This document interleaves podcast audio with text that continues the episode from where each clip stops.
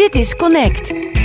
Hier hoor je alle ins en outs over PR, communicatie, content marketing en alles daartussenin met Jody Keuler en Jos Govaert van PR en content marketingbureau Cooper. In deze elfde aflevering is bij ons de gast Ronald van Schijk, directeur van Kaliber, interactief bureau voor effectieve merkbeleving. Met hem zoomen we in op de combinatie creativiteit en technologie.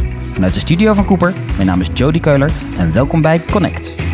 En links van mij is weer aangeschoven de man wiens vriendin Google Home het zwijgen heeft opgelegd, Jos Govaert. Ja, ik moet gewoon nog op zoek naar een heel duidelijk voordeel voor haar. Ja, zij vindt het niks, hè? Nee, nee, nee. Nee, Z- dat Zij vindt het eh, echt eh, het grootste, grote afluistermechanisme van de hele wereld.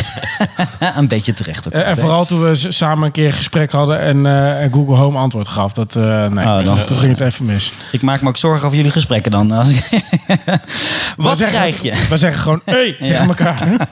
Wat krijg je als je strategie, technologie en creativiteit in de blender gooit? Eh, en wat vraagt dit eigenlijk van een bureau, maar ook vooral wat vraagt het van klanten? Onze gast van vandaag weet er alles van. Ronald, welkom. Dankjewel. Wat fijn dat je er bent. We gaan ook gewoon direct van start. Ja. Vinden we lekker. En dan wil ik zeggen, laten we beginnen bij het begin. Maar het voelt ook een beetje als, als, als juist het midden. Eh, we hadden het er net wel even in het voorgesprekje over, even over. Eh, jouw bureau, Kaliber, bestaat sinds 2015. Maar je bent al heel wat jaartjes met een bureau bezig. Ja, vertel, ja, ja. wat zit daarachter? Daar zit eh, een hele periode van eh, vallen en opstaan achter. nee, ik, het, is begonnen ehm, na mijn studie. Eh, en toen hebben we met elkaar afgesproken, ik en mijn toenmalige compagnon. Laten we het gewoon eens een jaar proberen en dan zien we het wel.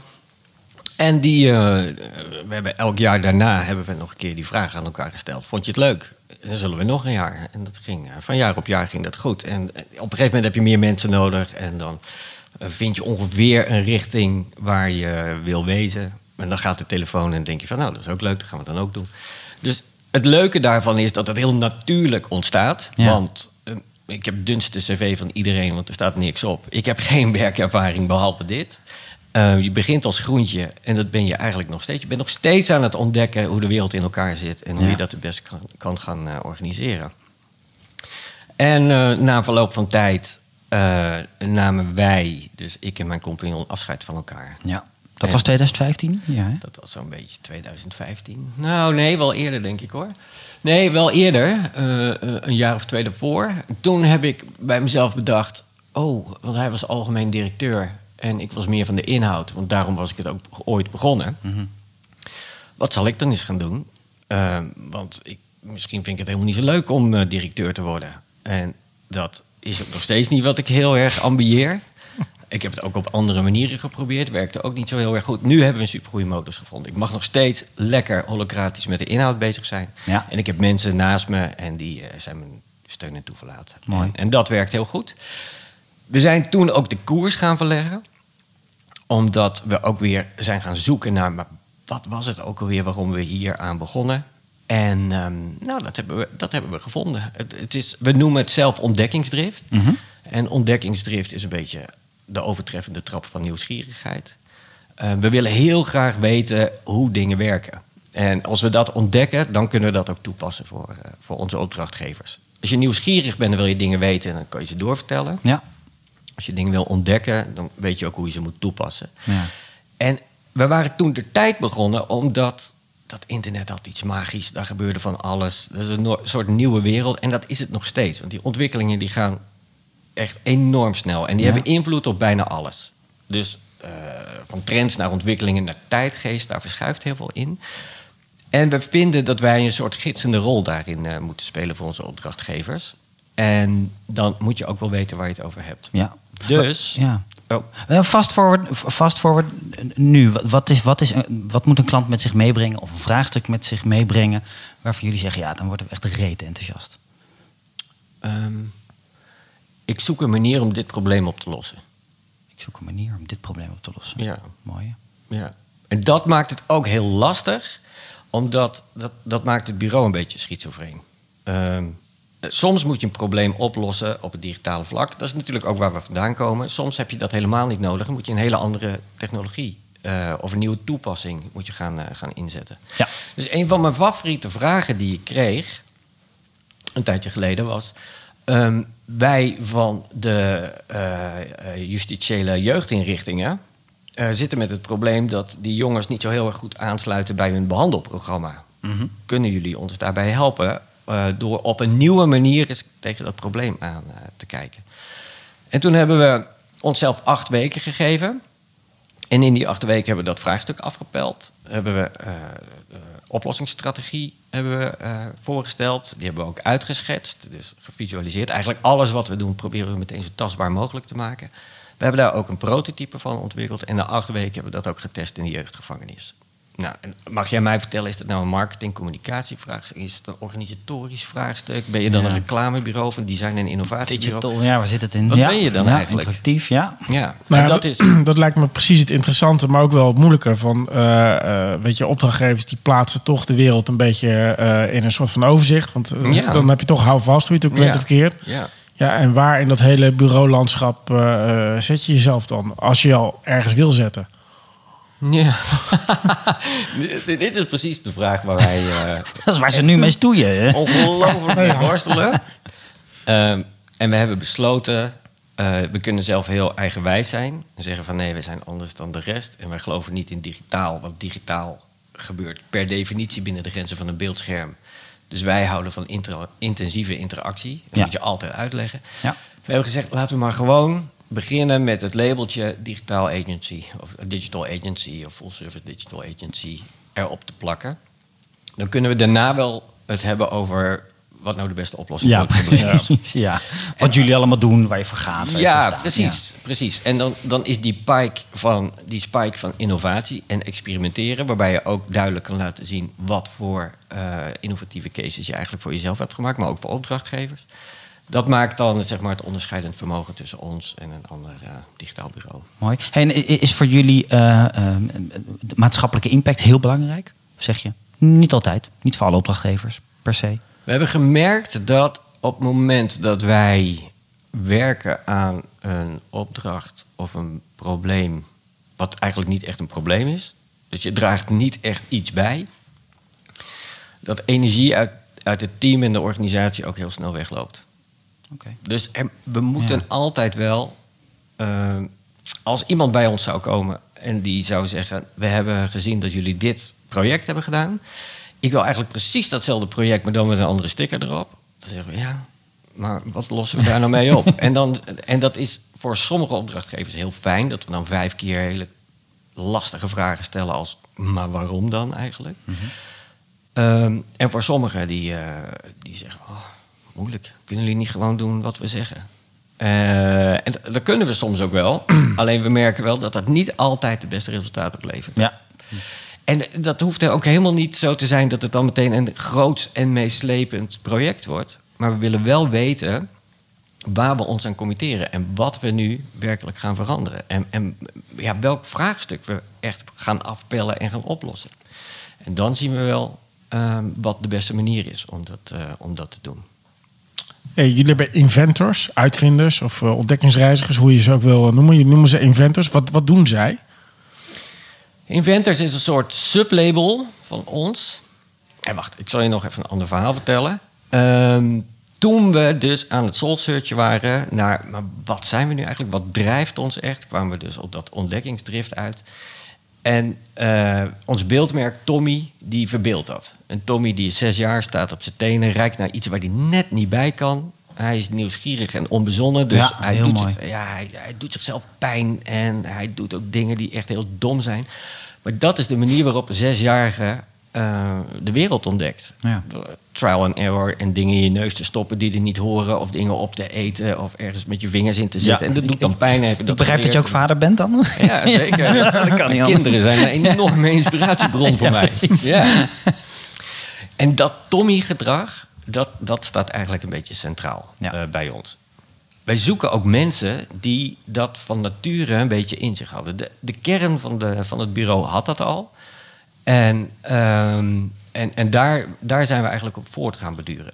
En als je dat in je hebt, dan vind je het heel leuk om gewoon dingen te ontdekken, maar ook dingen gewoon te maken. En wat het interessante daarvan is, is dat je dan creativiteit en technologie samen laat optrekken. Waar in een geëikte bureaumodel is het zo dat je eerst eh, strategie hebt en dan gaat een designer die gaat daar vorm aan geven en dan mag technologie die mag dat in elkaar gaan schroeven. Ja, een duidelijke facering, ja. ja. Terwijl juist die technologische gasten hyper creatief zijn. eh, een beetje afhankelijk van, van de persoonlijkheid.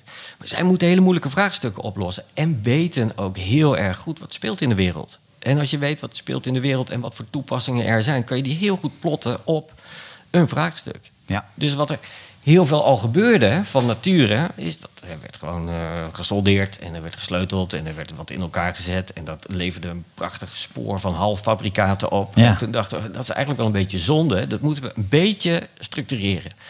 Dus toen hebben we dat de inventors genoemd. Iedereen mag een inventors eh, aandragen. En er zijn maar drie regels. We moeten er iets van leren. Het moet leiden tot. Dus het moet ook echt wel iets nieuws zijn. Een nieuwe technologie of een nieuw inzicht of een, of een nieuw ding. Ja. Eh, het moet leiden tot een product of een prototype. Eh, en wij stellen tijd, eh, spulletjes, werkbanken, dat soort dingen beschikbaar. Maar jij ook. Dus er wordt ook veel in de avonduren wordt er gewoon dingen gedaan. En dan, dan is het heel grappig dat je ziet dat creativiteit en technologie... die werelden, die snappen in één keer van elkaar wat ze aan elkaar hebben. En je ziet ook dat een, een creatief, die wordt ook een beetje technoloog. Dus die gaat er ook Gaaf. aan de gang. Ja. En Ja. het laatste punt wat je aandraagt. In een van de interviews met jou stond iets als dat je verbaasd over het feit dat mensen als ze eenmaal thuis zijn. zoveel meer creatiever leken te zijn dan je op kantoor eh, zag. Ja. Eh, Werkt zo'n oplossing als dit ook, ook daarvoor? Dat je dat een beetje naar elkaar toe brengt? Eh, ja, maar niet alleen dat. Ehm, ik verbaas me erin inderdaad wel eens over hoe, hoe zelfredzaam mensen kunnen zijn. Totdat ze op hun werk komen en dan zeggen ze: Nou, vertel me wat ik moet doen. Zeg het maar Ja. maar. Ja. En dat, vind ik, dat is heel gek natuurlijk. En Ja. mens- er zijn mensen die jarenlang, decennia lang zo naar hun werk gaan. En dan op een trein stappen en mee eh, boemelen. Terwijl wij zijn op missie. En, en wij moeten eh, ja, dingen in beweging brengen. We moeten een beetje verandering aanbrengen in de wereld. En dat, dat gaat niet door maar mee te hobbelen. Nou, wij hebben, net zoals jullie, Holacracy dan ingevoerd als, eh, als, als, eh, als organisatiemodel Ja, besturingssysteem. Ja. als besturingssysteem. Ehm, en met alle hobbels en met, maar ook met de goede dingen. En de, de goede dingen zijn dat je, je kan je niet meer verschuilen achter iemand of iets of zo. Dus je staat een beetje in je naki. En sommige mensen die vinden dat prima. Die denken, hé, eindelijk kan ik, Ja. kan ik aan de gang. Dan kan ik dingen ook eh, eh, in werking stellen. En andere mensen die denken, oh, nou, eh, ik vond het veel comfortabeler toen alles voor me geregeld werd. Ehm, nou ja, en dan zie je ook dat er een soort natuurlijke Ja. afsplitsing Maar zij kunnen ook inventor worden? Gewoon de mensen Ja, dat die... dat kan in feite kan dat iedereen. Mooi. Ja. Ja, het is ook heel grappig dat. Dan organiseren we wel eens een hackathon. En dan gaan we. Nou, we moeten iets met beacons doen. En dan, eh, nou, dan gaan we een heel weekend gaan we een beetje door eh. En dan is het ook heel grappig om een accountmanager in één keer. met een, eh, met een bordje aan de gang te zien en met een, met een soldeerbout. en die ontdekt dan ook in één keer talenten van zichzelf. Of in ieder geval ook dat dat heel leuk is om te doen. ja, enthousiasme als het lukt of als er iets gebeurt. Ja, en dat, ik kan me dat is natuurlijk ook een klein beetje waar, waar Tommy voor staat. Gewoon dingen doen die je nog niet eerder hebt gedaan. Kijken of we dat kunnen. Ehm, ja, laten we eens meedoen met een 48-hour film project. En dat zijn allemaal mensen die zitten daarop. Hè? Dus dat zijn acteurs en regisseurs en die hebben ervoor voor gestudeerd. En, Ja. Nou, zouden wij dat ook kunnen? Ja, ik vond het ik, tranentrekkend mooi filmpje kwam eruit. En dat vond ik echt, echt heel goed. Maar dan zie je in één keer dat eh, je buiten je functie aan iets gaat bijdragen. En dan eh, ja, de DevOps, die normaal gesproken diep in technologie zit en 0 en 1 en servers en, en allemaal hele moeilijke dingen waar ik niet zoveel van begrijp. Die maakt dan de soundtrack. Want hij is ook heel goed. Ja, hij is ook een muzikant. ja, en Ja. dat is toch fantastisch. Dat Mooi je als dan dat kan. in- ja, dan kan je op een andere manier kan je een soort teamchemie. eh, Krijg je deze een beetje het Pipi Langkous gevoel van... eh, ik heb het nog nooit gedaan, dus ik denk dat ik het goed kan. Ik denk dat ik het wel kan. ja. En een beetje naarmate wij eh, allemaal eh, ouder worden, dan, dan, dan leren we dat ook af natuurlijk. En eh, dat, is best wel, dat is best wel zonde. Ja. Wordt van kinds af aan wordt je geleerd. Ja, je hoort of in dit hoekje. Ja, je bent of creatief, of je bent juist, je zit op wetenschap, of je zit op talen. Of, eh, terwijl, ja, daarvoor, dan, dan, dan ben je astronaut en cowboy en je bent schilder en je bent, eh, ja, Ja. Iedereen, iedereen is dan een soort Ja. Leonardo da Vinci. En dat binnen 24 uur, dat kan allemaal. Ja, ja, als je jong bent. En, kijk, Mooi. je hebt altijd wel je hebt een soort kern van, van multidisciplinaire mensen nodig die echt aangaan op iets. Die het ook echt lekker vinden om een vraagstuk, tanden te zetten in een vraagstuk. En je hebt mensen die willen zich toch liever gewoon specialiseren in iets. En die heb je ook nodig, want die kunnen ongelooflijk goed een bepaalde opdracht die je definieert vervullen. Ja. Wat we niet meer kunnen gebruiken, of wat niet echt bijdraagt bij ons, zijn mensen die op commando werken. Waarbij je zegt van nou, nu moet dit gedaan worden. En dan komen ze terug en dan oké, ik ben klaar, wat nu? Ja. Je, je moet dus wel jezelf behoorlijk kunnen organiseren, zelf, zelfredzaam zijn, zelfsturend zijn zelf. Ja. Mooi. Herkenbaar. Op vele fronten ook. Ja. Dus dat, eh, dat is goed.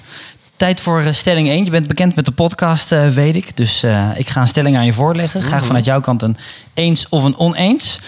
Van alle nieuwe technologieën is voice de meest veelbelovende. Eens of oneens?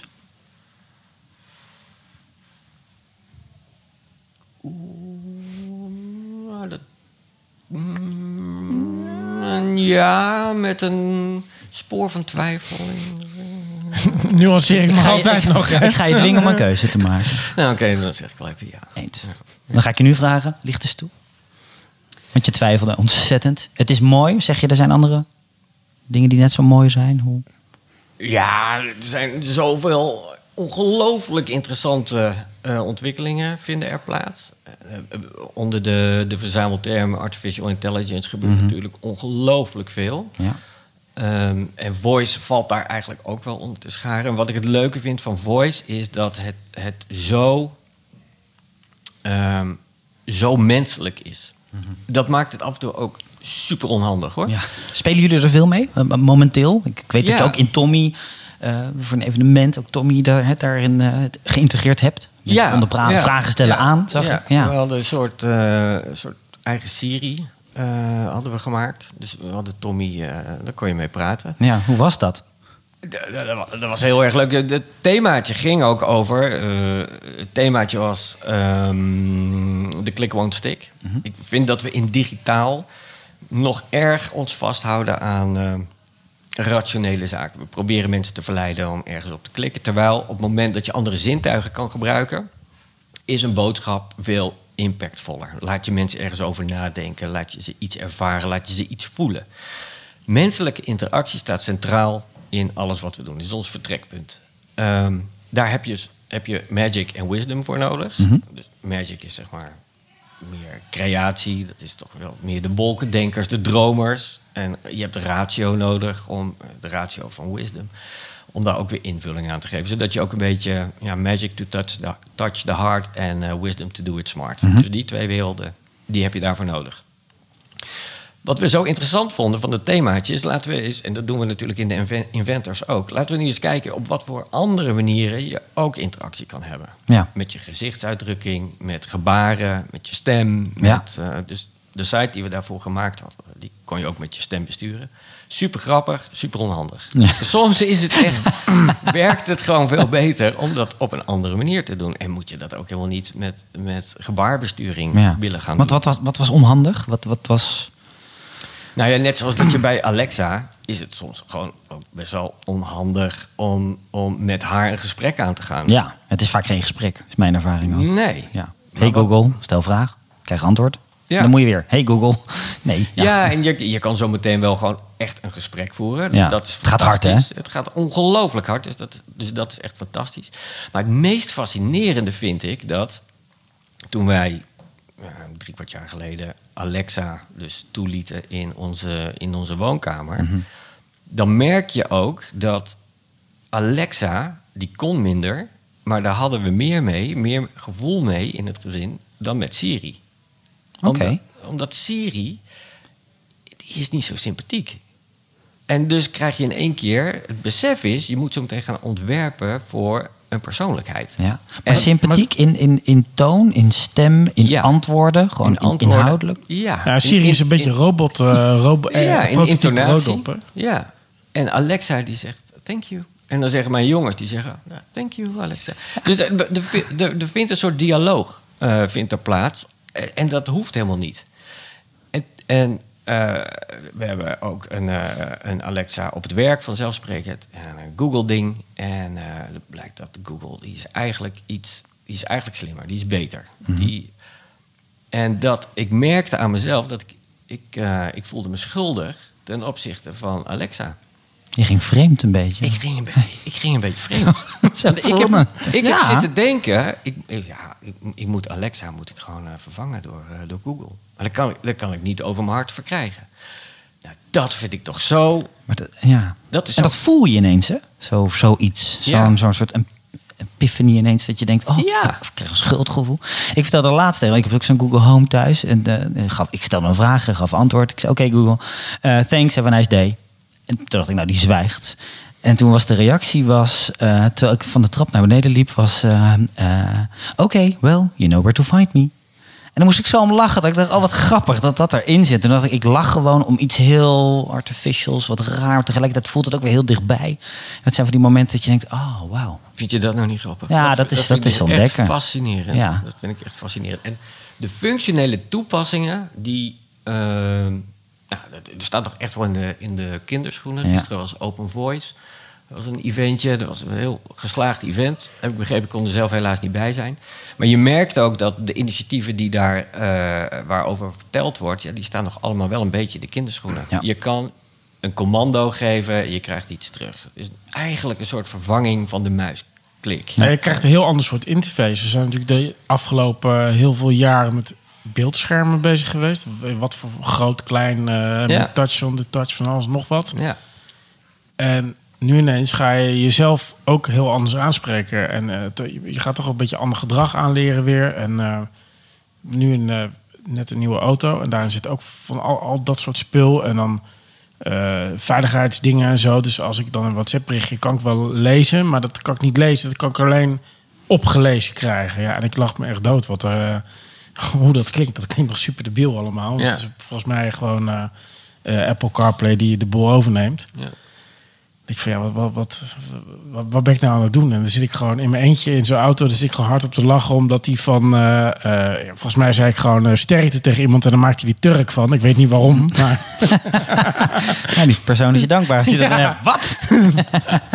ja, maar in die fase zitten we dan nog. Ja, dat ja, het een beetje... weet je. En, en wij zeggen wel eens gekscherend, het wordt wat als er een soort eh scheet-app van gemaakt wordt. Of een, een soort bier-app. De mobiele telefoon, eh, dat op een gegeven moment toen eh, de, de eerste apps, die waren ook kinderlijk eenvoudig. En dan Ja. kon je zo een soort biertje kon je opdrinken. Ja. Of, nou, en je ziet erbij Ja. augmented reality. Dat heeft jaren geduurd voordat het een beetje tractie vond. En dat gebeurt nu. En dan is het beste bewijs, is, is er al een scheet-app voor? Ja, die is er. Nou, prima. Oh. Dan, dan komt het wel. Dan komt het wel goed. goed, joh. Ja, Ja, ja. geen we, zorgen. we hebben nu eh, de kop boven het artikel bij deze podcast, denk ik. Oh, Ja. en daar, daar komt mijn naam onder. Ja, ja, daar gaan mensen ook op klikken. Dat kunnen jullie ook wel wat vertellen. Ja, nou, we gaan eens vragen. Hey, je hebt nog even om er wat anders van te maken. Maar, Oh, moet wel heel goed voor de dag komen. Maar het is wel mooi. Het zijn wel fascinerend. Want is dat, is dat bij jou thuis dan ook spelen met, met hè, de assistenten? En gaan jouw kinderen daar ook in mee? Want dat lijkt me ook een hele fascinerende om te zien. Ja, ja. Ja zeker. Ehm, en, en je hebt eh, vast en zeker vorige week ook wel dat, eh, dat filmpje gezien van Google I.O. Waarbij ze een, eh, een voice assistant ook een afspraak lieten maken. Ja.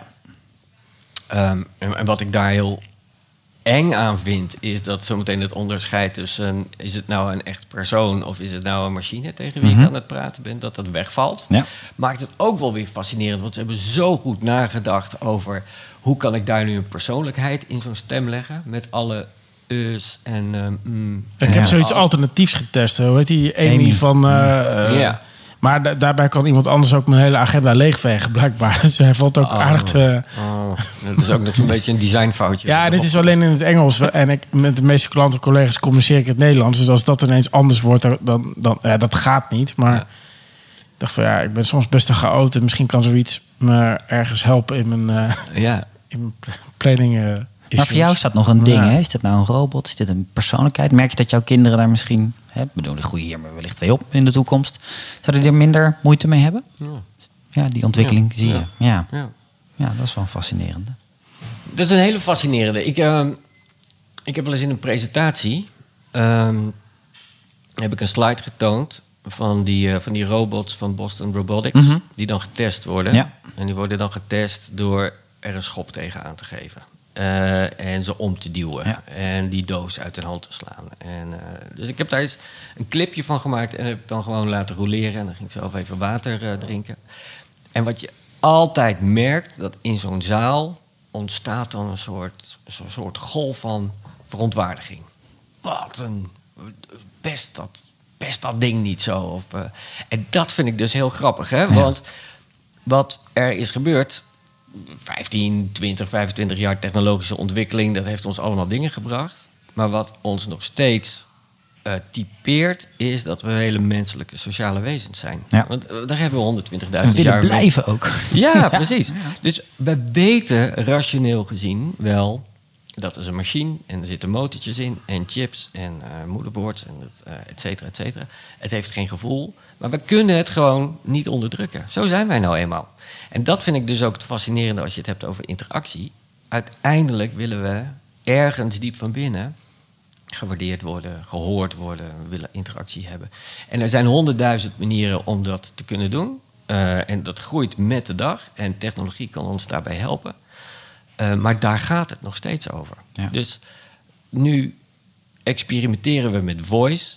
ehm, om te begrijpen wat het doet. En hoe je het met realiteitszin weer kan toepassen voor, voor bepaalde vraagstukken. Ja. Want hoe bepalen jullie waar je in investeert qua tijd en middelen, weet ik veel wat, qua, eh, als het gaat om technologie? Want je- er valt natuurlijk nogal wat uit te proberen. Eh, en jullie steken volgens mij iets van ehm 100 uur per week aan spelen, eh, dingen uitvinden, ontdekken, weet ik veel wat. Dat is, dat is best wel veel. Ja, dat is best wel veel.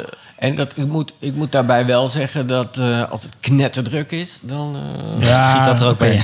ben je aan het eind van de week ook wel eens blij dat je gewoon even niks meer hoeft. Ja, maar oké, maar je hebt het wel belangrijk gemaakt en, en Maar hoe bepaal je nou wat dan, of hoe bepalen jullie, want dat doe je niet in je eentje, maar hoe, hoe, hoe kies je?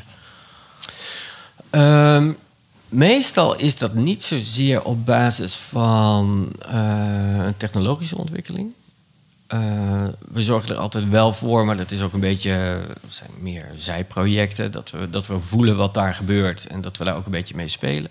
Maar zo'n zo'n zo'n inventors eh, ontstaat vaak gewoon uit, uit een inzicht of uit Ja. een, oh, zou het niet tof zijn als, of Mhm. eh, oh ja, dan zouden we dit eraan toe kunnen Maar dan moet je ook een beetje weten wat er is en hoe het werkt. En, en dus Ja, beide ja. vertrekpunten heb je wel nodig, lijkt me. Gewoon puur klopt. technologie uitproberen en, en dan ontdekken van... Nou, ik dacht dat het dit kon, maar het blijkt heel wat anders te kunnen. Of ik kom, eh, net wat je net zei over die techneuten...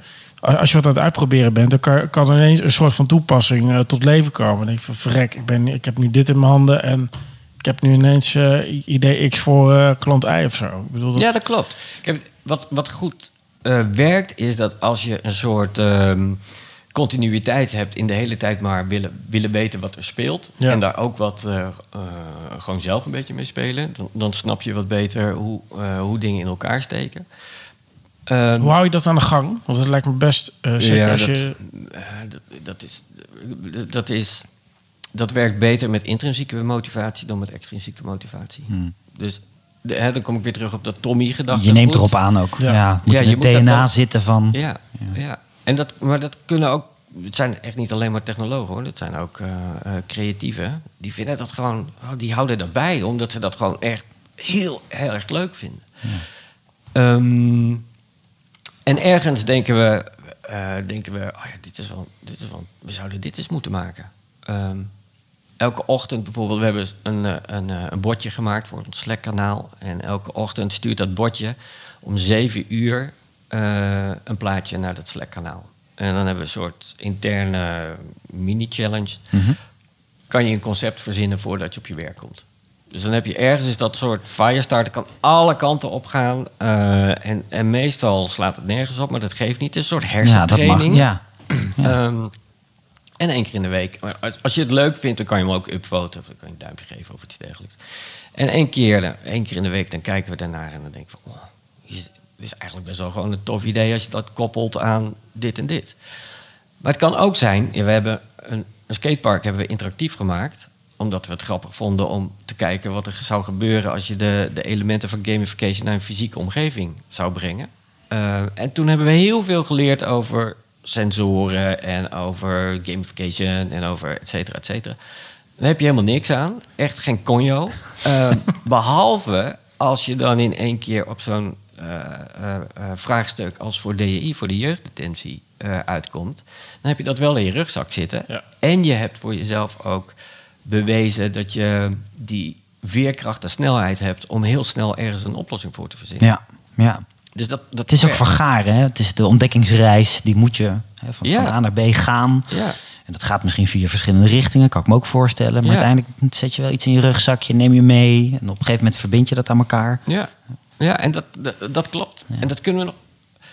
Dus ja, er zijn honderd manieren om dat slimmer te doen. Ja. Want ergens worden we gedreven door het feit dat dat mogelijk is. Dan vinden we het, hè, als je een beetje creatieve geest hebt, dan, dan vind je het fantastisch om dat eh, af te pellen en dat in je vingers te hebben. En, en dan is het weer tijd voor iets anders. Dus er zit ook een soort wispelturigheid in. En dat betekent dus ook dat ja, er hadden misschien al wel vijf start-ups uit voort kunnen komen. Maar eh, oeh, er is weer wat nieuws. Gaan nu, eh, Ja, Ja, dat enthousiasme, daar begint het. Mooi moment voor de tweede stelling. Ik ga hem je voorleggen. Komt u weer. Eens of een oneens.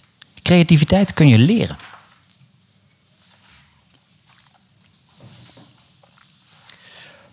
Ehm, ik denk dat je het. eh, Ik ga streng zijn. Eens of oneens? Ja, ja, zeker. Ja, ja. Man, nou. Makkie. Ja. ja, makkelijk, zeker. Maar. Mag jij me invullen? Ja, creativiteit is ook een beetje een. een, een eh, Hoe, hoe, hoe, eh, stapje terug. Definitie. Hoe, hoe, formuleer jij creativiteit? Wat is ja, dat wat voor ik wou zeggen is, creativiteit is ook een beetje een breed koppelbegrip natuurlijk. Dus ja, wat is dat eigenlijk? Ja. Kijk, van nature zijn we, zijn we altijd wel heel erg inventief. Mens. En creatief. Ja. En, ja. Dus ik geloof wel dat iedereen dat in zich heeft. En dat heel veel mensen heel goed zijn om zichzelf wijs te maken dat ze dat niet in zich hebben. Maar je hebt wel sommige mensen die, die hebben dat echt heel goed in de vingers. En die kunnen ook heel snel, en, en, en eh, dat maakt hen creatief, die kunnen ook heel snel een eh, bepaald vraagstuk doorgronden. En het ook meteen een bepaalde richting op krijgen. En daar dan ook nog invulling aan geven door net dat scherpe regeltje of dit idee, wat je dan zeg maar hier op deze manier weer op die strategie plot. En dan vervolgens krijg je dit, zet je dan in werking. Dus dat is zeg maar een soort reclamische creativiteit.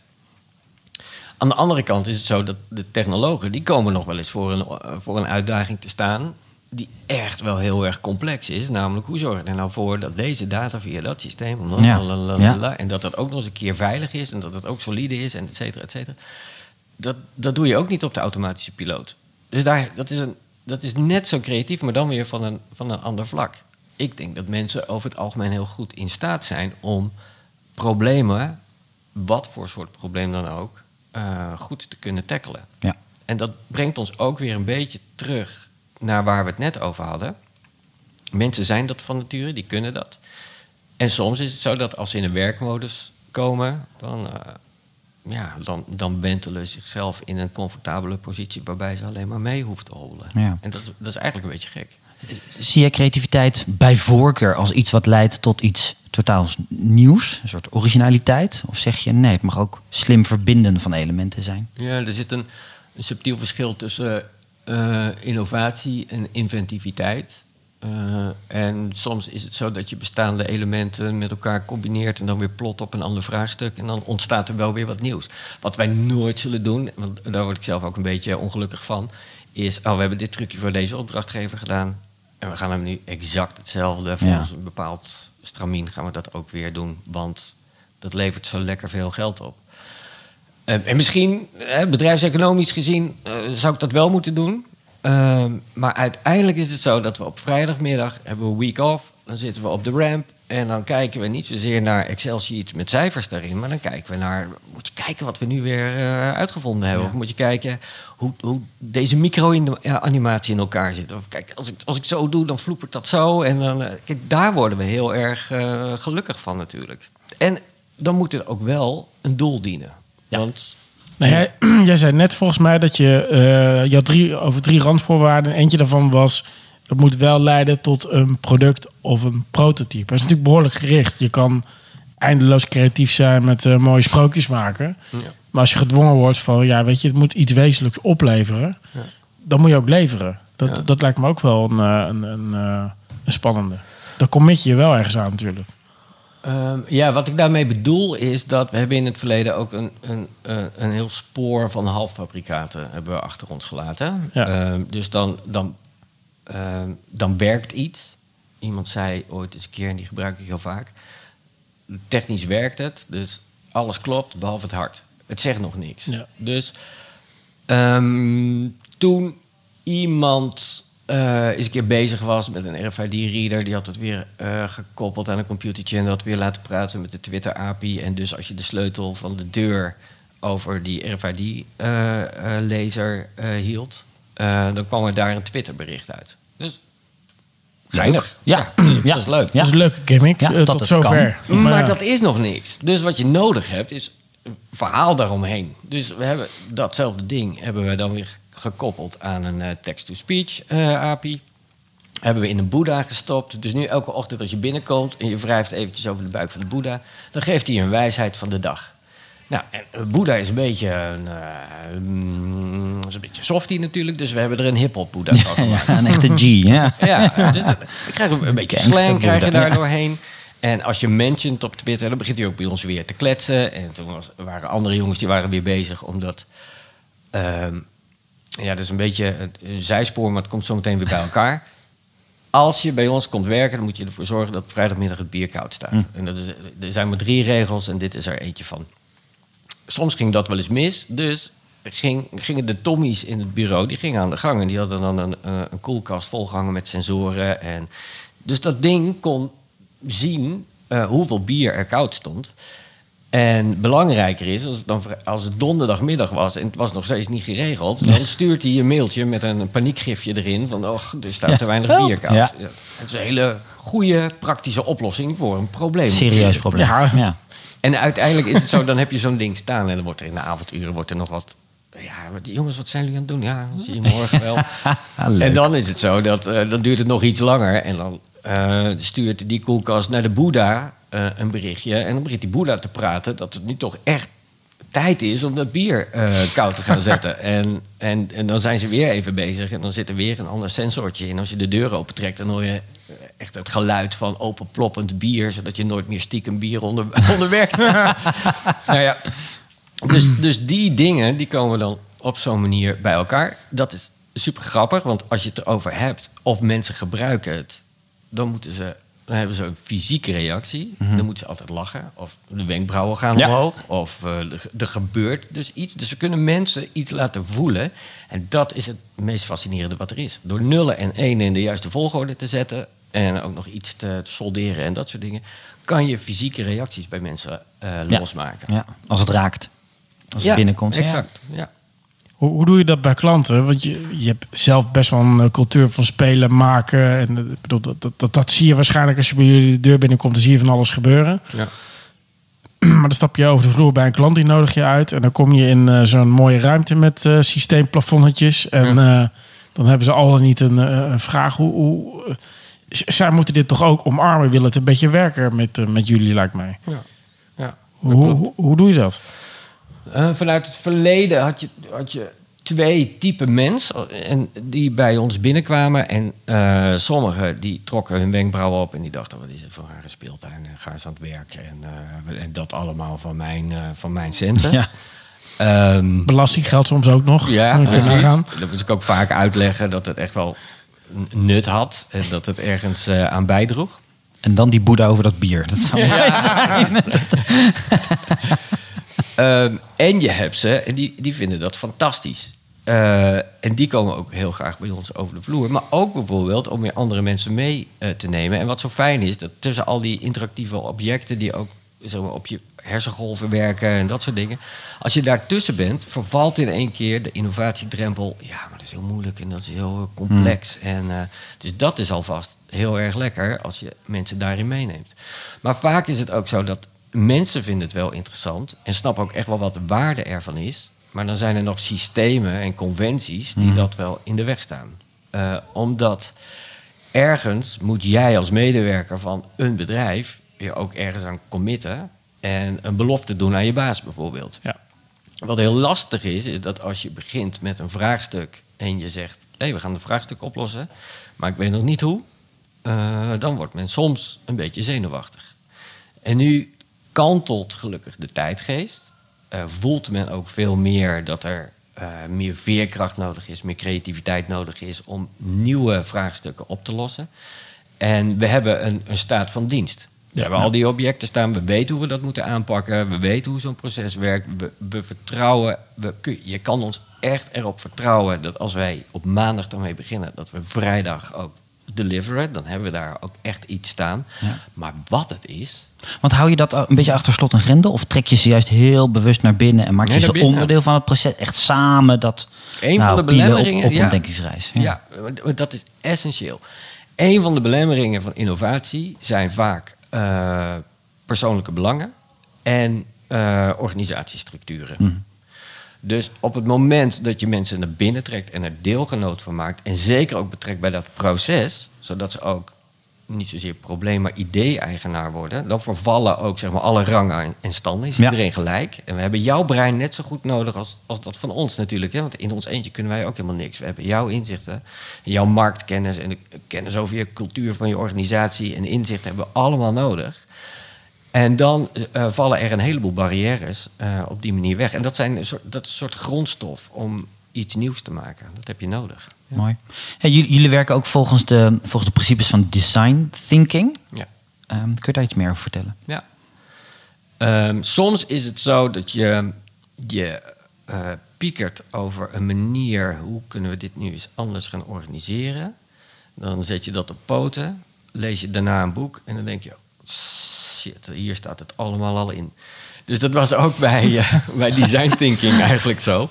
Wij dachten, eh, en wij hadden dat, we, we werken in drie fases. We richten ons op een vraagstuk. We werken toen naar het diamantje van waarde. We hebben ThinkLab, The Workshop en The Guardians. ThinkLab, dat is, en het is altijd eh, iteratief. Ja. ThinkLab, dat is een samensmelting van strategische breinen, creatieve breinen en technologische breinen. Die kraken zo'n vraagstuk en die werken heel snel toe naar een eh, bepaalde eh, naar een oplossingsrichting die zo tastbaar mogelijk is. Mhm. Dus soms is dat een prototype, soms moet je iets 3D printen, soms moet je het uitschetsen, soms moet je kl- klikbaar prototype maken. Als het maar tot de verbeelding eh, spreekt in ieder geval. Dat principe hadden we uitgedokterd en toen dachten we, oh, dat, dat is eigenlijk precies wat design thinking ook doet. Alleen wij noemen het anders en dat is soms best wel onhandig. Ja. Dus dan moet je het ook niet meer anders noemen, dan is het gewoon design thinking. En wat heel lekker, lekker werkt, is dat ehm, alle afleiding haal je weg. Je focust je echt op zo'n eh, op zo'n vraagstuk. Je gaat er heel intensief samen mee aan de gang. Waarbij je ook soms weer uit elkaar gaat. Dat je voor jezelf gaat brainstormen. Soms en ideeën bedenkt, dan weer bij elkaar komt. Ehm, je hebt daarbij ook een soort kwetsbaarheid nodig. Waarbij je ook durft toe te geven wanneer je idee gewoon niet zo heel erg goed is. Of je kan het verrijken met iets anders. En je hebt daar eh, slimme jongens en meisjes voor nodig die dat ook eh, verder kunnen brengen dan alleen maar een gedachtenwolkje. Ja. Want soms is het zo dat als je een gedachtenwolkje hebt en een heel goed idee, dan kan je dat in een, in een deck, een PowerPoint of in een document kan je dat opschrijven, maar dan is het nog niks. En door heel snel daar eh, eh, slimme technologen, slimme creatieven aan te koppelen, maak je er in één keer iets van wat, wat al half werkt. Ja. En, eh, ja, dus, en dan, dan ben je er nog niet, want dan moet je het nog door itereren, dan moet je het sterker maken, dan kom je bij een, bij een eindproduct en dan Ja. ga je het eh, monitoren en optimaliseren. Moet je dan ook wel eens terug? Terug weer naar de basis, want het is toch niet goed, het werkt niet, het voelt niet lekker. Ja, Ehm, ja, zeker, Is ja. Tijd, tijdsintensief daardoor ook? Dat traject zeg je, nou, Als je maar veerkrachtig genoeg bent om dat snel te doen, is dat helemaal niet zo erg. ja. Op het moment dat je doorschiet en je moet dan weer helemaal terug, Dan dan, wel. is, dan is het wel erg. En daarom heb je ook zeg maar, die loop met je opdrachtgever heb je ook nodig. Je kan er niet een soort black box van maken waarbij je zegt: hier heb je de briefing, ik zie je over vier weken wel weer, ik ben zo benieuwd wat eruit komt. Want we hebben hen echt wel nodig. Ook met, kijk, als het gaat over creatieve concepten, heb je kijk je in de keuken Mhm. nodig. Is dit het gedachtespoor wat ook goed voelt bij jou? Want wie houdt dat scherp in zo'n proces? Is dat iedereen? Of is er wel echt iemand specifiek gewoon net even wat meer verantwoordelijk om eh, te zorgen dat alles klopt, de kritische vragen nog eens te stellen? Ja, en, dat, eh, is dan, dat is dan meestal degene die wat meer strategische achtergrond ja, heeft. oké. Ja. ja. Ja. Ja, logisch. Makes sense. Mooi, mooi proces. ehm. Heel ja, dat, en dat, is, dat, is, dat is heel boeiend. En dat maakt eh, innovatie ook in één keer een stuk toegankelijker. Ja. En dat is dan innovatie wat toegepast is op, op jouw probleem, op jouw achtergrond, op jouw. ehm, ja. En we worden er zelf ook heel gelukkig van.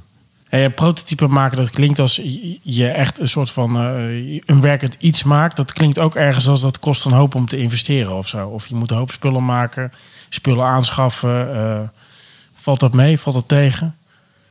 Hm, Ja, ja je moet. eh, Kijk, als, als het gaat over, ehm, over ontwikkelingen in nieuwe technologie en dergelijke, moet je dat natuurlijk wel in huis hebben. En eh, soms is het zo dat je, als je een idee hebt voor augmented reality.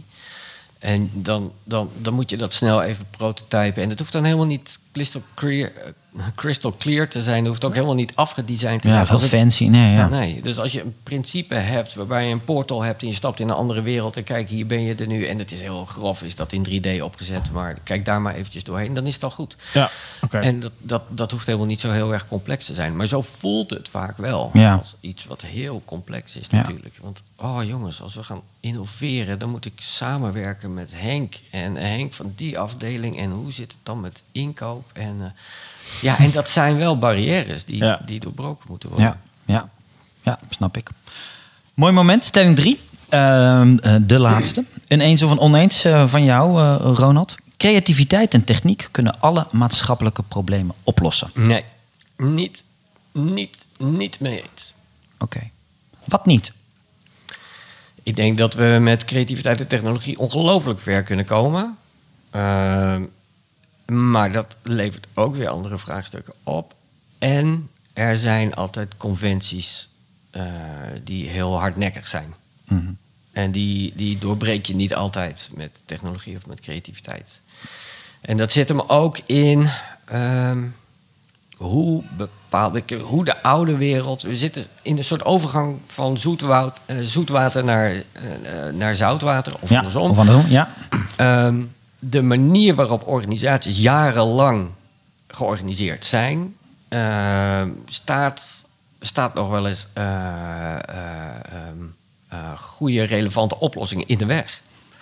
En soms is het zo dat het vanuit bepaalde belangen helemaal niet de bedoeling is dat er een betere oplossing bedacht wordt voor een maatschappelijk vraagstuk. Want dat gaat ten koste van dit en dit en dit. Dus je hebt het dan over systemen, je hebt het over organisaties, je hebt het over politiek, je hebt het over heel veel verschillende belangen. En dat is heel treurig af en toe, maar het is wel de, de realiteit. Dus je krijgt het niet zomaar beslecht. En in interview zei je ook iets over jeugd die dan vroeger echt op straat skaten en, dat nu eh, een soort van doen, alleen dan achter een eh, console of eh, telefoon of wat dan ook. Dat hebben we natuurlijk omgedraaid in een, in een project. Werkte dat? Voor hoe, hoe, hoe, ehm, Ja. Dat, dat is natuurlijk ook een ingeslepen patroon bij jeugd. Dat ze nu, nou niet alleen bij jeugd, eh, ik bedoel wij zelf ook, hoeveel schermtijd je doorbrengt versus eh, kwalitatieve tijd op een andere manier. En je elke keer als je dat tweede sport bewandelt, denkt: Goh, wat was dit toch eigenlijk veel fijner? Ja. Of vervolgens de volgende dag gewoon veel te veel met je telefoon in je klauwen te zitten. Ja. Ja. Ja, kijk, dat is nou dat is een he- hele hardnekkige verslaving, hè, die, die je ook niet zomaar opgelost krijgt. Hoe je dat zou moeten doen, dat weet ik niet. Voor, voor dat eh, project, eh, dat hebben we eh, samen met studenten gedaan.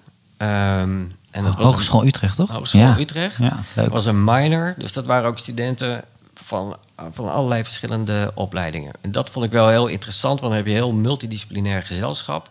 En het zijn, we vinden het sowieso altijd heel prettig om gewoon met jong talent eh, te werken. Want die geven je ook met hun onbezonnenheid ook een soort eh, gewoon frisse inzichten. Het uitgangspunt was inderdaad, kunnen we gamification op een andere manier dan binnen een beeldscherm naar een fysieke omgeving brengen? Zijn we naar het skatepark gegaan en hebben we gevraagd, mogen we dat bij jullie doen? Dat vonden ze goed. Ehm, en toen zijn we daarmee aan de gang gegaan en hebben we het eerst maar eens onderzocht. En wat heel grappig is, is dat er zijn vijf prototypes uitgekomen. Eh, en, en een aantal daarvan die waren heel succesvol en de andere niet. Want het werkt nou eenmaal niet zo heel erg goed om hardware en ledstrips echt aan een skateboard te plakken. Want dan gaat stuk en dat ding wordt er veel te zwaar van. En, oh ja, verdomd, dat is Ja. ook zo. Dus eh, dat soort fouten moet je ook maken. Wat heel leuk is, is dat de oudere garde van de skateboarders. En die zijn helemaal niet zo heel erg oud. Maar die zeggen, eh, ga weg. Eh, dit is mijn habitat, dit is mijn omgeving. Wat Ja. kom je doen met al je Ja. nieuwe wetse frats? Die jongeren, zeg maar van een jaar of acht tot twaalf of zo, die vonden het fantastisch. Die vonden het fantastisch omdat er ontstond in één keer ook een andere dynamiek. Ja. Je kon, het, het haalde ook eh, angstgevoelens weg. Als je moet indroppen in zo'n halfpijp, is echt wel eng. Ja. Maar omdat we daar een soort spelvorm eh, aan toe hadden gevoegd, konden ze die barrière over. Ehm, het was heel leuk dat er ook een soort gezonde competitie ontstond tussen die jongens. Eh, het was heel grappig, omdat je kon dan als omstander, eh, die normaal gesproken aan de zijkant alleen maar roerloos kijkt naar hoe andere eh, kinderen aan het skaten zijn, die konden ook inloggen op dat spel. Die konden ook tegen die skateboarders spelen. Dus er ontstond een hele andere dynamiek. Maar allemaal voorbeelden van gedragsverandering. Ja, zeker. Fascinerend. Ja, Maar dat is ongelooflijk fascinerend. Dus, en dat is het leuke ervan. Hè. We leerden daarvan wat werkt als je positiebepaling met snelheid moet gaan doen. Eh, eh, context. Eh, we maakten bijvoorbeeld op de havenpijp projecteerden we een monstertje. Ja. En dat monstertje ging heen en weer. En je mocht niet over dat monstertje heen rijden, want dan, was je, dan kreeg je strafpunten Ja. of iets dergelijks. En daar, ontst- daar verschenen ook kersen en bananen. Daar moest je natuurlijk wel Ja. overheen. Dus je moet, je moet vastleggen waar die skateboarder zich nu eigenlijk bevindt. Eh, en je moet daar in die spelvorm moet je daarop eh, reageren. Nou, wat, wat eh, inventief als die groep was, die hadden dan allemaal van die B-controllers hadden ze bovenin bevestigd. En met een infraroodlampje op de helm konden we dus detecteren waar, die, waar die skateboarder zich bevond. En daar dan weer interactie op, op toepassen. Designfout is dat zo'n ding wordt gloeiend heet. Dus zo'n jongetje na 10 minuten met bezweten hoofd, die dacht, oh, die helm die moet af. Oh, ja, Rookwolkje erboven. Ja. dat zijn dan weer van die dingen die je daar... Dan Ja. je alleen maar door er, Ja. door er gewoon mee aan de gang te En durven jullie dan ook, ook groter te denken? Oh, was- als we dit toch toepassen in het verkeer, kruispunten, ik, ik noem maar wat. Ja, dachten Eh, gaat dat, merk je dat dan ook? Dat dat leeft, dat dat gaat dit- borrelen? Dit moet naar PlayStation toe en dit moet naar Nike toe en dit moet... eh, dit, eh, Ga jij dan bellen? Of? Interactiviteit, gamification en echt spel eh, of sport, dat kan elkaar enorm verrijken. Fantastisch. Ja. Wat je nodig hebt, is iemand die dan, die dan zegt: "Doe, wat er ook gebeurt, dit moet ergens, dit moet ergens komen. Ja. Ehm, en wij zijn dan zeg maar, de inborst is met name wispelturig en creativiteit en ontdekkingsdriftig. Dus, oh, en, en nu hebben we deze technologie weer. Dan gaan we daar weer mee spelen. Dus er zit heel veel goud in. Alleen, ehm, ja, we misten daar zeg maar, de, de commerciële empathie voor om, daar, eh, om dat verder te brengen. En, en soms, is het, soms lukt het ook wel hoor. Er is ook een start-up ontstaan uit een soort spel wat we gemaakt hebben. Om eh, kinderen gezonder te laten eten. En dat eh, uiteindelijk dragen wij het wel over. Want we willen gewoon weer verder met het bureau. Maar dat, is, dat ligt nu ook in de winkels. Het is een hartstikke leuk ding. Ja, is er een project waar alles mooi samenkomt? Eh, de vraag, de uitdaging, maar eh, misschien ook het geld of wat dan ook. Maar alles, wat klopte. Nou, die, die, die case die ik net noemde voor, eh, voor de jeugddetentie, dat vind ik wel echt eentje die, die ook echt klopt. En daar niet alleen omdat het ook daadwerkelijk goed werkte, ook omdat het principe van innoveren, die werkwijze, die werkte heel erg goed. Het resultaat is heel erg goed en daar gaan we nu wel weer vervolg aan geven. Ehm, dat vind ik een hele fijne, maar ik, vind, ik ben nog steeds heel erg trots op eh, de interactieve installatie die we gemaakt hebben voor het Centraal Museum die bij ons kwam. Niet zozeer met een briefing van we willen dat jullie dit gaan doen, maar met een open vraag. Wij hebben een expositie over surrealisme en we willen mensen dat op een andere manier laten ervaren. Ah, de breintrein. Ja. Breinreis. De breinreis, sorry. Ja, ja. Ja. Ja, en, Ja, en mooi. ze zijn naar ons toegekomen. Niet zozeer omdat we dat al een keer gedaan hadden, maar omdat ze ervan overtuigd waren dat wij dat met dat clubje creatieven en strategen gewoon die klus konden klaren. En dan kan je je tanden daarin zetten, dan kan je verdiepen in wat surrealisme nou werkelijk is. Dan kom je ook op een spoor waarbij het eigenlijk heel logisch is om daar eh, een, eh, een brainreader voor te gebruiken. Niet omdat we, dan is het niet technology first, maar technology is dan dienend daaraan. Ja.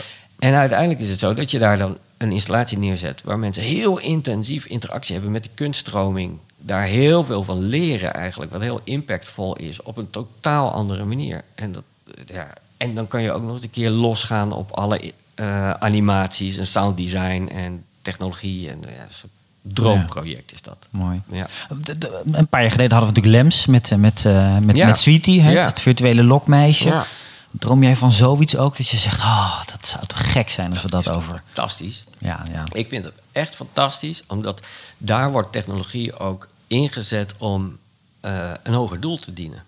En niet als een soort gimmick dingetje. Het wordt ook heel vaak, ja, als we een dingetje doen met Ja, de VR... omdat dan, het eh, kan, ja. Precies, dan maken we een goede casefilm ervan, dan, eh, dan, is dat, dan is het al klaar. En dat is, dan doe je eigenlijk de kracht van technologie en innovatie doe je tekort. En dat is zo zonde, hè? want dan, dan wordt, krijgt het ook nooit een soort volwassen... krijgt ook nooit de kans om volwassen te worden. Omdat het alleen maar een soort spiegeltjes en kraaltjes zijn. En wat zo mooi is van die case, is dat daar is het ook heel slim en effectief is het ingezet... om ook nog eens een keer iets wezenlijks te veranderen. Is ook geen marketingcommunicatie, is ook geen reclame, is ook geen casefilmpje, is ook geen... eh, Nee, we wonnen de grootste PR-prijs in dat jaar eh, ook. Ja, Ja. zeg het maar. Ja, Ja, gewoon iets van vanuit- verdomde goed. Iets vanuit Ja. het hart Ja. en, eh, en met aandacht, Ja, zou ik maar zeggen. ja. Is er iets wat jij nu heel, heel, heel nauw volgt op de voet? Dat je zegt, nou, that- that's hot on my radar. Op dit moment. Als ik dat woord zie, toen wil ik het lezen. Wil ik het horen. Ja, dat, dat, dat zit hem dan wel veel op, eh, op het gebied van kunstmatige intelligentie. Ehm, En wat dan? Want ook dat is natuurlijk een, eh, een grote container weer. ja, dat is fantastisch, hè?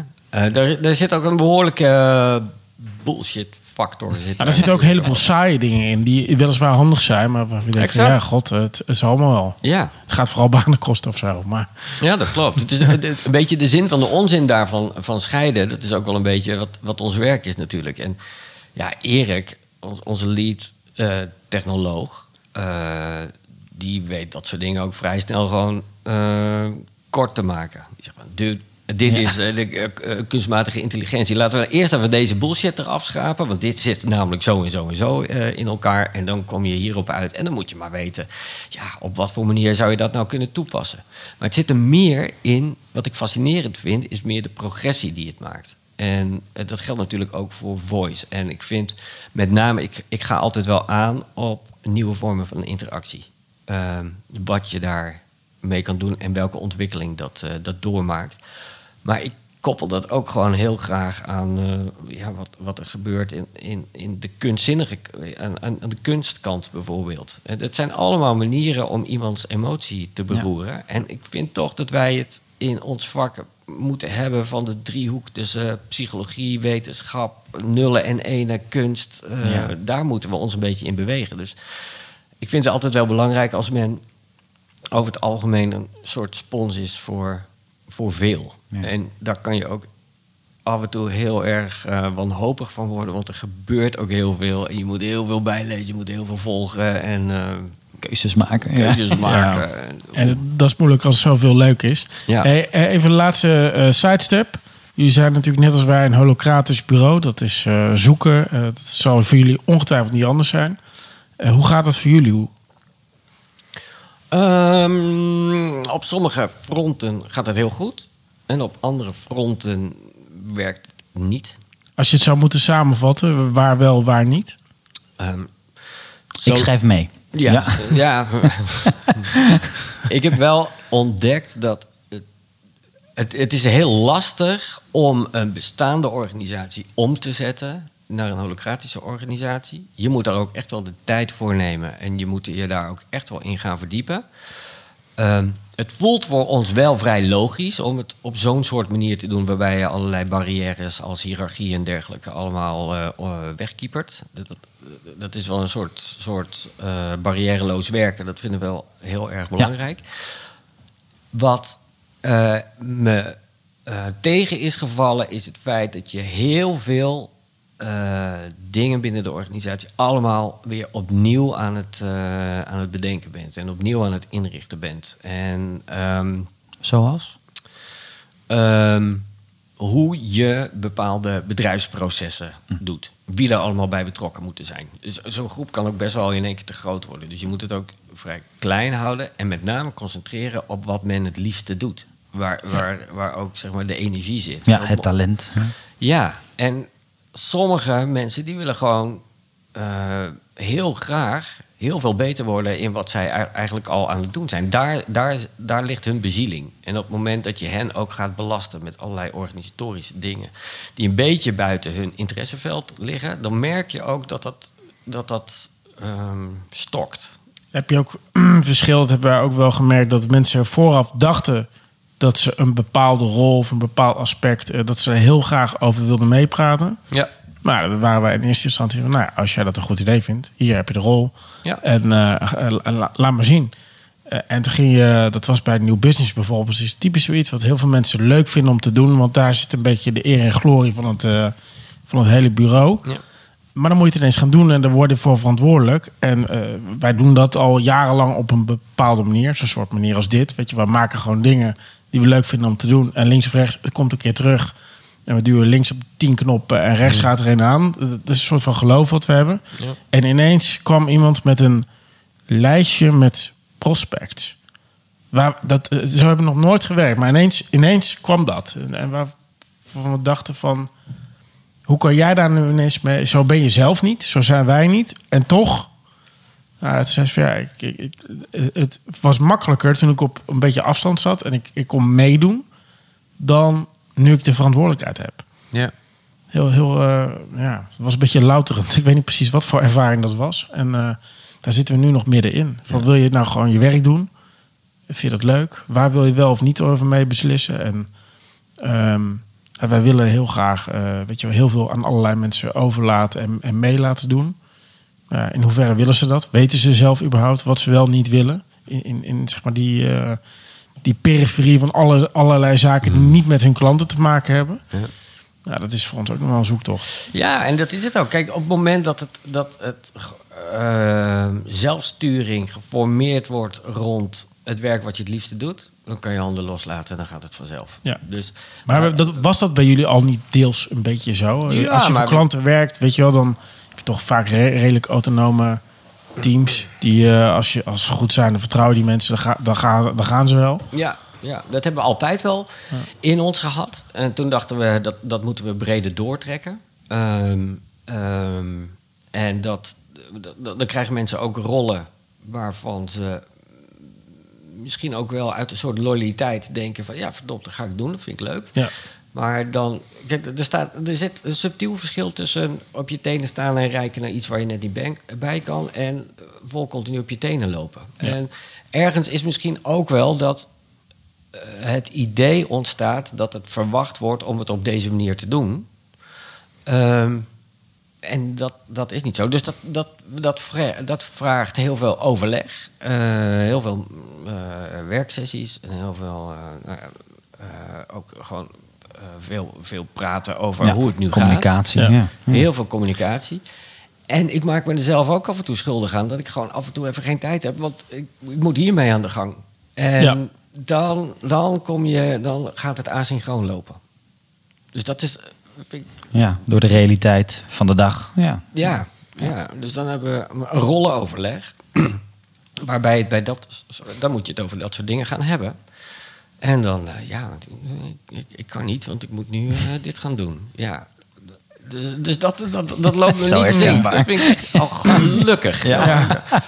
Ja. Dus, maar dat, Ja. ja. dat, Zullen we hem door laten gaan of niet? Ja. ja, dat, ja, Heb jij je voorbereid? Eh, een beetje. ja, ja. Ja. ja. zo Ja. werkt het wel. Ja. Maar ik vind het wel goed, overigens, om de structuur en de regelmaat en het feit dat het ook van je verwacht wordt en dat je een bijdrage te leveren hebt. Ik kan er niet tegen als er soort meetings zijn waarbij niemand iets opschrijft, niemand iets doet eh, en dan Ja. vervolgens loop je daaruit en heb je een paar heb je anderhalf uur heb je weg zitten kletsen met z'n allen en dan is er niks veranderd. En ik vind dat de, die werkwijze, de holocratische werkwijze, die toch daar wat sturend in is. Oké, dan zijn we deze eh, checklist en deze actiepunten, en dan gaan we dat doornemen. En pats, pats, pats. En dan hebben we deze tijd voor. Zorgt er wel voor dat er gewoon tempo in zit. Ja. En dat vind ik dan wel weer een heel goed, eh, een heel goed ding. Ja, ik denk als wij alles bij elkaar moeten optellen, aftrekken en je houdt eh, een, een uitkomst over, dan is die nog altijd wel positief. Al is het omdat er maar sowieso veel mensen, meer mensen aan het woord durven en eh, durven te komen en dat ook doen. Ja. Vind ik al winst. Plus, wat we ook merken, als iemand weggaat, wordt het makkelijker. Omdat het. vroeger was nog wel eens de, de, de, de schrikreactie van kut, er gaat een hele goede weg. En die moeten we precies één op één moeten we eenzelfde terughalen. Dat precies hetzelfde gaat doen. En dat is nu wel een soort van relaxter geworden. Als dan iemand vertrek aankondigt, dan denk je, nou oké, even kijken wat iemand nou. Daar heb je altijd wel beeld en gevoel bij, maar wat deed die persoon nou precies? En valt dat niet even wat anders te, te organiseren? Dan is die enorme haast tot vervanging is er wat af. En dan hebben we wat meer rust om eh, echt goede keuzes eh, te maken. Ja. Worden ook wel wat. Het heeft wel even een jaar geduurd, denk ik, maar we worden ook wel efficiënter na verloop van, eh, van tijd. Omdat iedereen ook iets meer gaat doen waar hij nou voor geboren is. Ja, jullie zullen ook nooit meer teruggaan, toch? Het oude systeem.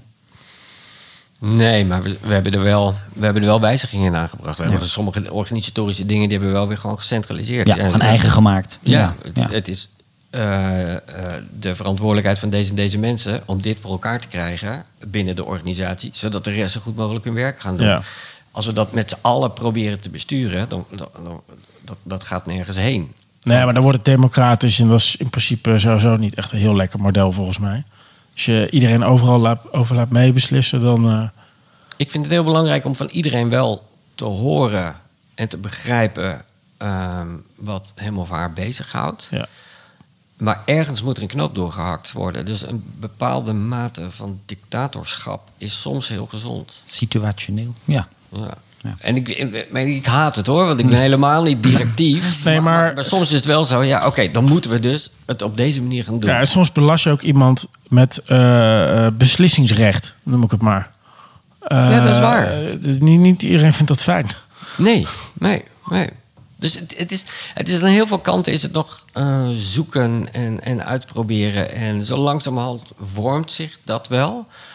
Ehm, dus dat, dat komt ook wel goed. Ik denk dat er iets beters uitkomt dan, eh, eh, dan, dan wat het was. En dat geldt voor jullie ook. Want jullie eerste, ja, volgens mij zei jij... Na de nulmeting hebben we de één-meting. En we verwachten gewoon dat het, eh, dat het minder positief is. En dan heb je de twee-meting. Ja. Dan... Dat viel trouwens mee. Het was nagenoeg eh, gelijk. Mm. Ehm, tja. Maar weet je, het goede is wel dat, dat je in een soort van modus komt van... Weet je, het is nooit af en je bent continu bezig om het even te tweaken. En, en, en de, je, hebt geen eh, hele grote reorganisaties of zo. Omdat je gewoon, gewoon de modus aanleert van... We zijn constant toch de boel aan het aanpassen. En als iets niet werkt, dan gooi je het overboord. Alleen, wat je daar wel... De een wordt daar heel onzeker van. van je bent continu, het is continu onrustig, want je bent maar aan het tweaken en dit en Ja, dat. En, ja. en de ander vindt het heel fijn omdat het open is. Dat, dat, dat je inzicht hebt in wat gebeurt er nou. En er wordt snel gehandeld, er gebeurt wat. Iemand weet waar hij voor verantwoordelijk is. Actie in de tent, hoppa. En Ja. eh, er komen besluiten en er komen daden. En volgens mij zie je dat nu wel terug. Dat is vroeger bij ons mensen aannemen. Konden we eindeloos naar elkaar lopen staren. Van eh, in welke fase wie doet nou wat. En eh, dat was echt schandalig op een gegeven moment. En dat gaat nu, eh, als je nu het laatste jaar kijkt, gaat dat echt super snel. Top. En ook, eh godzijdank tot nu toe, ook met go- over het algemeen eh goede, goede keuzes. Daar moet je ook een beetje geluk bij hebben. Maar Ja. We blijven deze ervaringen uitwisselen met elkaar. Ja, dat we ja, daar ja, wij gaan hier een biertje over drinken. Ja. veel over kunnen leren. Ja. Hey, de aller, allerlaatste vraag. Ehm, als mensen met jou willen connecten, je online ergens willen volgen, waar kunnen ze dan het beste terecht? Oh, de- eh, op, eh, op Twitter via ro.nl, ROH. Je kan me mailen via ronald.kaliber.net. Eh, je mag ook gewoon een keer bij ons langskomen in Utrecht. Dat is leuk. Ja. Nou, Samen spelen. Dat moeten wij sowieso. Ja. Dat gaan we zeker doen. lijkt me een goed idee. Ronald, namens ons beiden, dankjewel voor je komst. Graag gedaan. Ik vond het hartstikke leuk. Dit was aflevering 11 van Connect. Wil je meer informatie? Bezoek dan www.cooper.nl slash connect voor alle show notes, cases en tips. Deze podcast wordt mede mogelijk gemaakt dankzij de interne support van Noortje Kleine en mediapartner Adformatie. Bedankt voor het luisteren en tot de volgende aflevering.